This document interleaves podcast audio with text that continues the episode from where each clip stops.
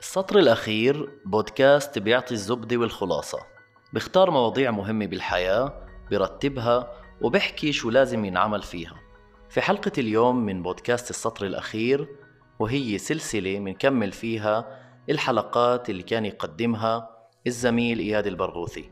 رح نحكي فيها عن الأمان الرقمي تطبيقات الهاتف اللينكات أو الروابط وظهورنا عبر الإنترنت. وضيف حلقتنا لهذا اليوم هو مختص الأمان الرقمي مسعود قبها.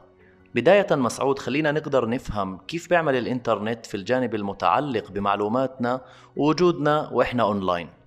بداية الإنترنت آه، هو عبارة عن مجموعة من الأجهزة المحوسبة اللي بتكون مربوطة مع بعض من خلال بروتوكولات آه، بتنظم وبتدير عملية الاتصال وتبادل المعلومات بينها وبين بعض. آه، مهم نحكي بهالجزئية إنه الاتصال في الإنترنت ما بيكون في شكل في, في اتجاه واحد وإنما ممكن الاتصال يسلك أكثر من اتجاه آه، أثناء اتصالنا في الإنترنت.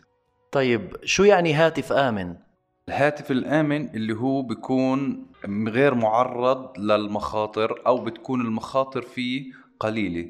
بيكون حماية الجهاز فيه عالية وبيكون معمول حساب لحماية البيانات وبرضه أمان التطبيقات. وكمان آه، بيكون الواي فاي فيه مشبوك على شبكات معروفة مسبقا وغير مجهولة أو عامة. بما إنه الهاتف معنا 24 ساعة وعليه كثير من الشغل آه، كمان في عليه التعاملات والتواصل كيف ممكن نحافظ على أم على أمان الهاتف وبالتالي نحمي حالنا؟ هلا آه، في حماية الجهاز ممكن إنه في حالة تعرضه للسرقة أو الفقدان آه، ممكن نكون آه، مفعلين خاصية في التلفون مثل Find My Device اللي هي بتخلينا نقدر نوصل للتليفون بحال بحالة سرقته أو ضيعه أو فقدانه. آه، كمان في حالة حماية البيانات ممكن نستخدم برامج تحد من تسرب أو سرقة المعلومات الخاصة فينا. كمان في أمن التطبيقات آه، ممكن نشتغل على حماية المعلومات اللي داخل التطبيقات. مثلا إحنا عندنا آه، حساب على الفيسبوك. آه، هلأ التطبيق هذا لازم إحنا نأمنه لحتى نأمن المعلومات اللي داخل تطبيق الفيسبوك. كمان في جزئية المخاطر على الهاتف ما نفتح أي رابط موجود على على التليفون بوصلنا من أي حدا ونتجنب نهائيا نشبك واي فاي من أي شبكة يعني كانت مجهولة أو عامة. وإذا اضطرينا يعني اضطرار إن نشبك على شبكة واي فاي مجهولة أو عامة نستخدم آه، الاتصال الآمن آه، من خلال نستخدم أحد برامج ال VPN الموثوقة والمعروفة. طيب لما بنحكي عن التطبيقات في الهاتف يعني التعامل السليم مع هالتطبيقات كيف بنقرر شو التطبيق اللي ننزله والتطبيق اللي ما ننزله؟ هلأ بداية إنه إحنا المفروض نفهم إنه مكونات الهاتف هي مكونات صلبة ومكونات برمجية آه، مثل الكاميرا والمستشعرات يعني اللي جوا التليفون آه، وكمان إنه في مسجل الأسماء أو سجل الأسماء والرزنامة.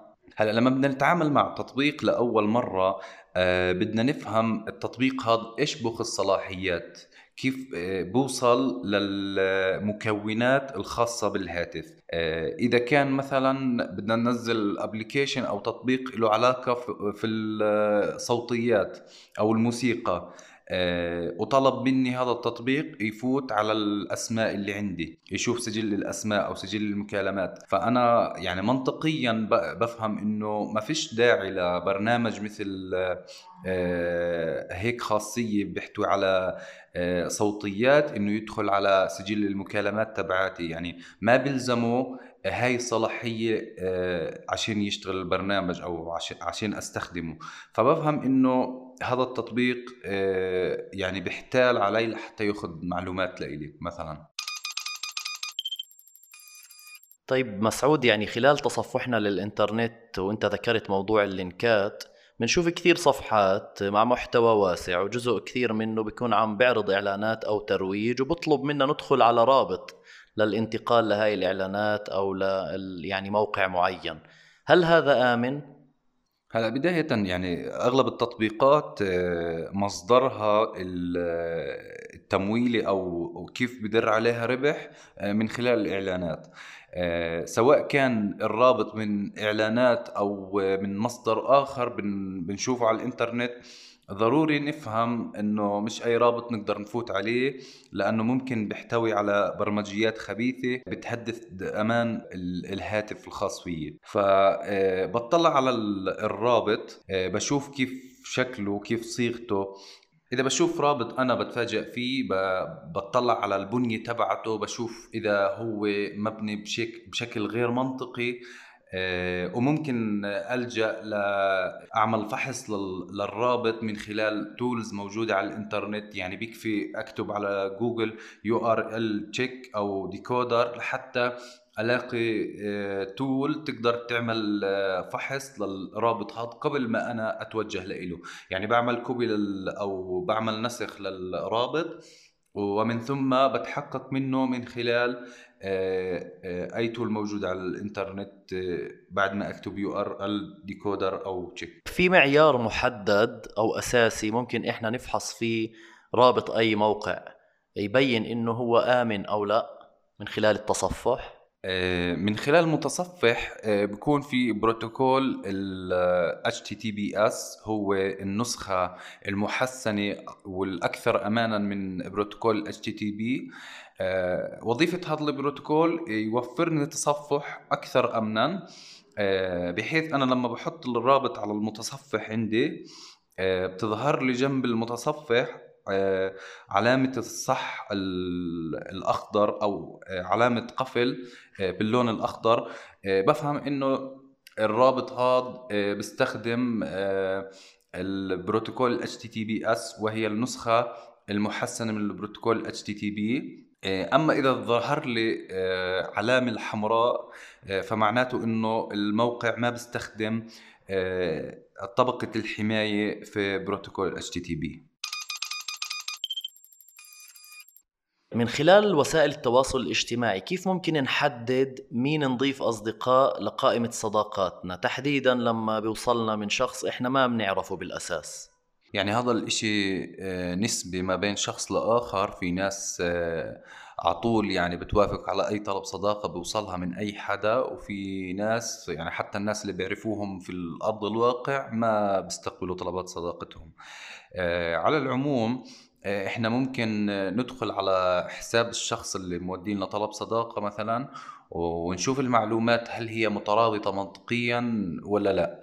مثل آه، تاريخ ميلاده آه، أي مدينة هو أي مدينة ساكن أي مدينة ولد شو اهتماماته الصورة الشخصية تبعته هل هي تعبر عن اسمه الحقيقي أم لا؟ يعني مثلا يكون اسمه عام كثير مثل أميرة الظلام أو أمير البحار فالاسم يكون بيعبر عن الشخص نفسه. والصورة تكون يعني حقيقية لشخص مش صورة ممثل أو صورة آه، ملهاش علاقة في الشخص. آه، كمان بنقدر نشوف اللايكات اللي هو بحطها على الصفحات. يعني إيش هو مهتم؟ آه، لحتى نقدر نوصل للشخص. هل هو هذا الشخص فعلا مهتم في هيك أشياء؟ وهل المعلومات الشخصية تبعته مترابطة منطقيا ولا لا؟ طيب كيف يرى الآخرون الصفحة الخاصة بي؟ هذا سؤال دائما مطروح. يعني كمان مثلا على فيسبوك إحنا بنستطيع إن نشوف الصفحة الخاصة فينا أو ال profile كيف بيظهر للآخرين اللي مش مش أصدقاء عنا.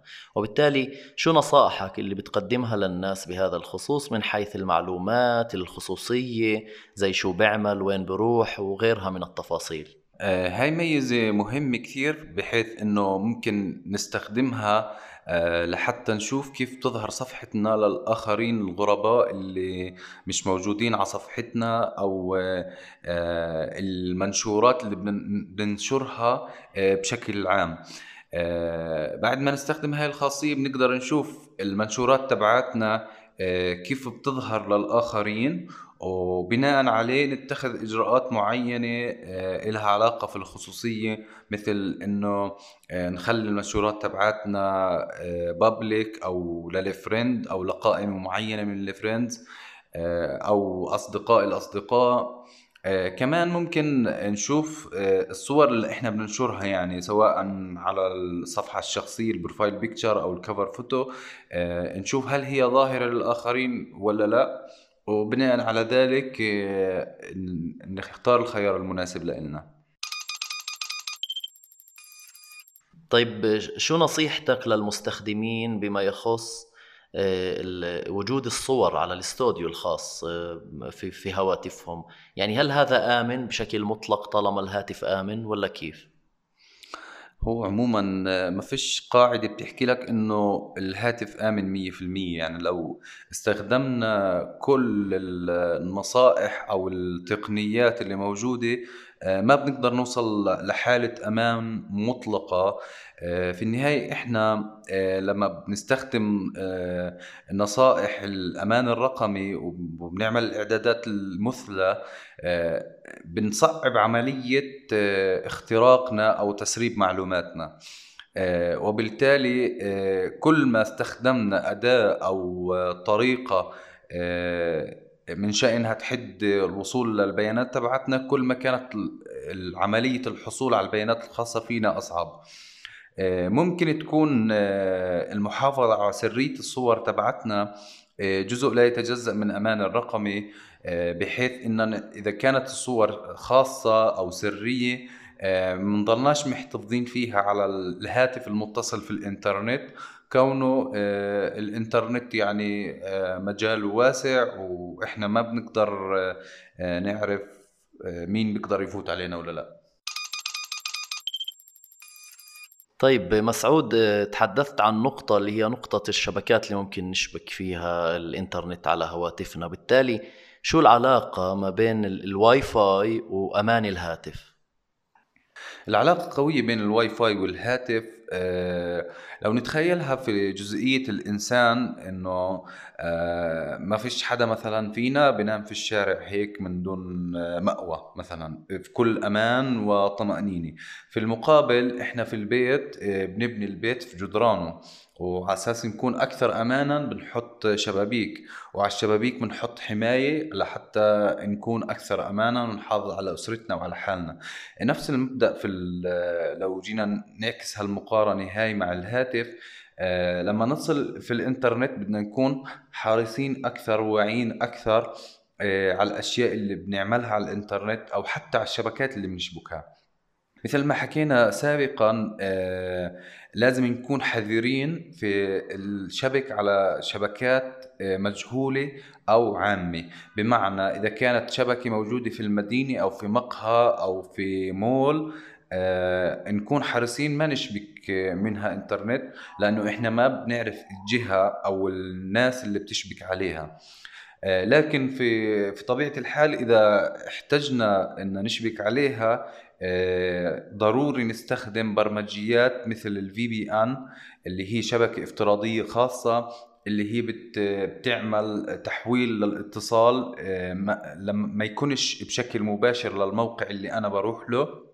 يعني إذا كنت أنا بفتح فيسبوك فمش مباشرة من من آه، الواي فاي للفيسبوك وإنما بمر في شبكة بتكون محمية أكثر.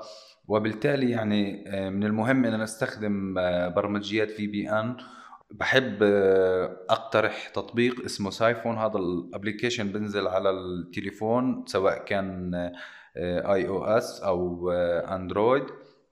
كمان في تطبيق اسمه Tor أو شبكة بالأحرى اسمها Tor. هي شبكة برضو افتراضية خاصة VPN بتساعدنا على محافظة على بياناتنا ومعلوماتنا. أثناء تصفحنا على الإنترنت. موضوع الكاميرا. هناك العديد من الأشخاص أو المستخدمين اللي بيتحدثوا بيقولوا آه، إنه الكاميرا ممكن تكون آه، مصدر للتجسس علينا تمام؟ وإنها بتكون شغالة طول الوقت. هل هذا صحيح؟ وإذا كان صحيح كيف ممكن إنه نعالج هاي المسألة؟ هلا طبيعي إنه إحنا لما بدنا ننزل تطبيق ننزله من مصدر معروف. يعني آه، ما نبحث على الانترنت عن تطبيق وخصوصا في الأندرويد ما نعمل له داونلود وننزله مباشرة وإنما ننزله من المتجر الخاص فيه ومن مكان موثوق. مش أي حدا يبعث لنا تطبيق فننزله. آه، بالنسبة للصور أو أي أي شيء ثاني آه، آه، بنحب نحكي في موضوع الصلاحيات ممكن نتحكم في أي تطبيق بننزله. بس موجود على تليفوننا نتحكم في الصلاحية اللي هو بدخلها سواء كان صور يتحكم في إنه هذا التطبيق ياخذ صور ولا لا. يعمل يشبك على الشبكة مباشرة من وهو التلفون مثلا مش شابك واي فاي في بعض التطبيقات آه، إلها صلاحية إنها تشبك واي فاي من غير ما أنا أكون شابك واي فاي فبالتالي هي هون في عندنا خطورة آه، سواء في موضوع الصور أو في أي موضوع تاني من حيث انه آه، يصير في تسريب أو سرقة لصورنا أو معلوماتنا الخاصة. في النهاية ممكن إحنا نفوت على صلاحيات آه، أي تطبيق موجود على تليفوننا نحدد إيش الصلاحيه اللي نعطيها للتلفون ويشتغل عليها. شكرا أستاذ مسعود مختص الامان الرقمي. هذا موضوع مهم جدا والأكيد إنه مهم لكل الناس وكل الفئات لا سيما الشباب والأطفال. وبالتالي إحنا دائما بنحب نضوي على هذه النصائح نسمعها منك وكمان نعطي المجال للناس إنه تسمعها. شكرا لك ويعطيك العافية. شكرا كثير لك على أمل اللقاء معك في حلقات قادمة.